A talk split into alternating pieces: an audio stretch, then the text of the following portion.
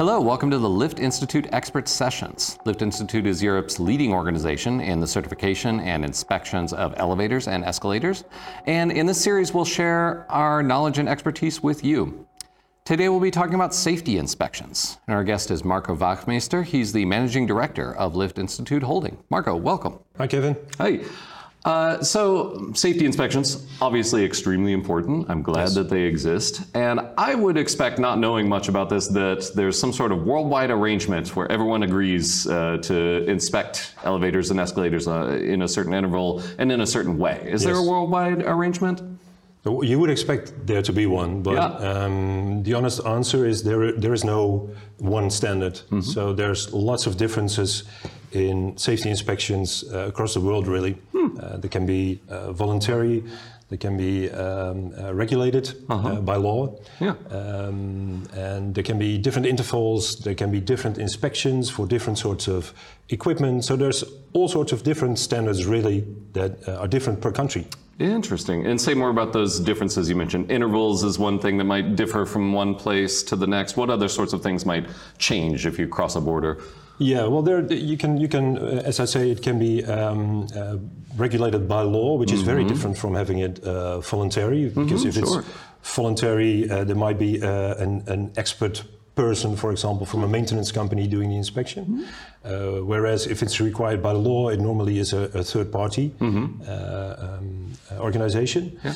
Um, but it can also uh, be different from types of elevators. It can be different from uh, the place where they are. Mm-hmm. It can be different from how old they are, what the age of the equipment is. So there's lots of different variables that determine uh, the content of a safety inspection. Yeah, I was, I was about to ask, you mentioned the interval, and I would think if anything would be consistent, it would be that an elevator should be looked at, you know, every few months, every, every couple of years. Uh, how, is the, how does the interval change from one to the next?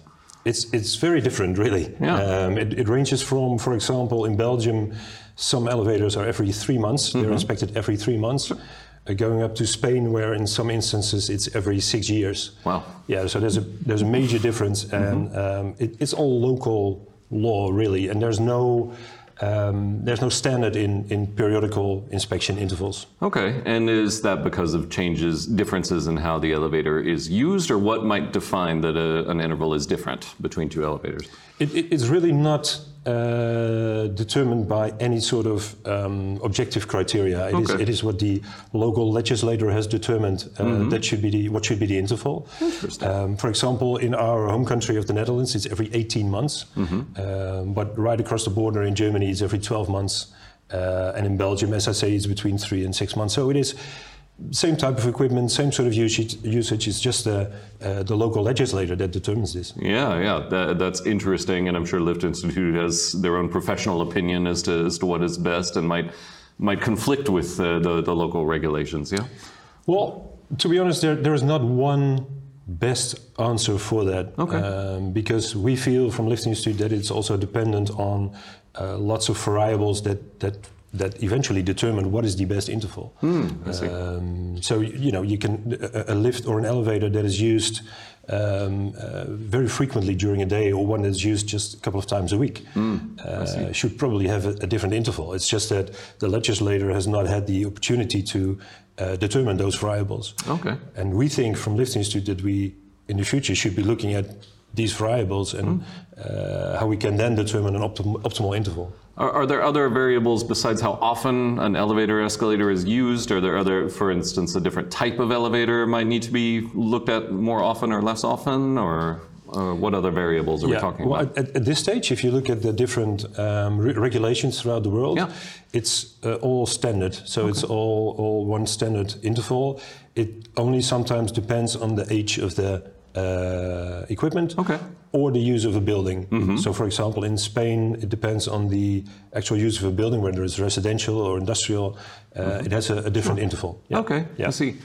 And when when the safety inspections occur, who should do that? So who are the parties involved? Who are the parties involved in doing a safety inspection, and, and who does Lift Institute believe is, is the best party to do that? Yeah, well, maybe that's one of the most important things in safety inspections mm-hmm. because you can have um, uh, countries where you have an expert doing mm-hmm. it, for example, a maintenance company, and we believe that that is like a student checking his own homework. It's, it's, yeah. it's not it's not what we would recommend. Sure.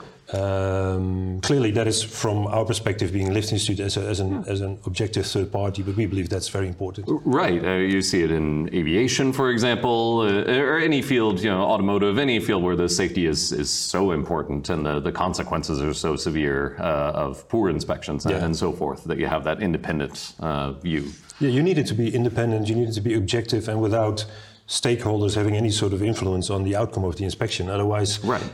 you know, it, it, it, it is a problem in terms of safety. Yeah, there's no, no, no point to it if it's a, a corrupted process in that Abso- way. Absolutely. Uh, does Lift Institute believe that there should be an international standard uh, according to best practices? And if so, what would that look like? Yeah, I think uh, especially with technology uh, um, becoming more useful Yeah. to determine sort certain safety levels, we should be coming towards a worldwide best practice in terms of safety inspections. And, and I mean the content, but also the interval. Yeah. Um, and from our side at Lift Institute, we are building a network of inspection companies in, in several countries. For example, we're now uh, um, uh, active in, in Singapore, in uh, Ireland, uh, in Finland, uh, in the Caribbean. And um, by growing that network, we think we can also grow the data collection across the world Yeah. to see what is actually what is the best practice Sure. uh, for worldwide standard because much of the characteristics of the equipment are the same internationally. There's not Yeah. so much difference locally. Um, so we believe in building a, a international network, uh, and i you know if there's inspection companies out there that want to join that network, they're very welcome to reach out to us as well. I was, I was going to ask if a company wants to be a part of this network and gain all those benefits, you know, Yeah. then they can contact Lift Institute and, uh, and hopefully be a part of that network in the future. Absolutely, absolutely, because we do believe that having a, a large coverage and, and a lot of data to look at, we can have the best um, solution going forward. It's interesting because on the one hand, I understand what you're saying, where there's so many variables that it's hard to, to pinpoint this is how often a certain elevator should be looked for. But at the same time, there's all this expertise and the opportunity to take these best practices and develop maybe not an equation, but just a, a methodology, algorithm for, uh, for when an elevator should be looked at and in what way. Yeah, definitely, and, and, and there is that data already from, from the past up till today. Yeah. Uh, but going forward, we will have much more uh, data coming out of smart elevators, Yeah. uh, smart escalators, uh, telling us um, a, a lot of what's going on 24/7. Right. I was going to say, I mean, Lift Institute has been doing inspections since 1933, which is amazing, uh, very impressive. And uh, uh, so there's all of that to build on. But uh, a typical person doesn't think about the evolution of escalator technology or elevator technology. But what future trends do you see in, in that direction? You're talking about 24 7 monitoring. Uh, what, what are we looking at there? Yeah. Well, it is it is um it is IoT really. So uh, Internet of Things. There yeah. you go. Yeah. Um, and that is giving loads of information now, especially in terms of maintenance. Mm-hmm. So there's uh, there's lots of developments in predictive maintenance and preventive maintenance. Um, but also that same data, or maybe even additional data Mm-hmm. through new sensor uh, technology, uh, can also be taken into an algorithm uh, for safety. Sure. Um, and that means that it will not longer be every 12 months or every three months or every six years that you have a sort of a status update on your safety, but. Right. you can have a more like a 24 7 status monitoring. Mm-hmm. Uh, and and th- we, we believe that's the future uh, in terms of safety inspections. Yeah, and the more components that can be made smart, you can picture a hypothetical future where every individual element of the elevator can report on its own health and, and so forth. And, uh, and we'll be talking about IoT in a, in a, a separate video. Yes. Yep. What, according to Lift Institute, how does Lift Institute define increased safety uh, for, for passengers? What does that mean? Yeah. Well, you've got you've got two sorts of two types of safety really. You've got the, the technical compliance safety, um, which is something that we're very good at and very very strong in, and, and that, that's our core business really. Sure. Um, and then you've got the uh, behavior of passengers, and that's that's equally uh, important really. Yeah. Um, so it's the same like with a car. You can have a perfectly safe car, a new car, Right. and you can still drive it extremely dangerously. Yes, Um, I've seen that done. yeah, I'm sure you have. Um, so that's the same with um, elevators and escalators. If you don't use it properly and you don't use it safely, uh, it, it could still be potentially dangerous. So on the one hand, we want to make sure that it's technically okay and that you're compliant with the law. Mm-hmm. And then we also want to educate passengers that they should be using it Yeah. in a safe manner. And what's an example of misusing an elevator, escalator? Well, for example, you can have a, uh, an elevator that, that is stuck. Many elevators, uh, many people get trapped in elevators. You would maybe not think that that happens, but it happens. Did you ever get trapped in an elevator? Uh, no, not yet, but uh, Good, yeah, the, the is not over yet. So. Good, good, good. Um, but it happens a lot, and people sometimes try to free themselves. And uh, we have got all sorts of information on that.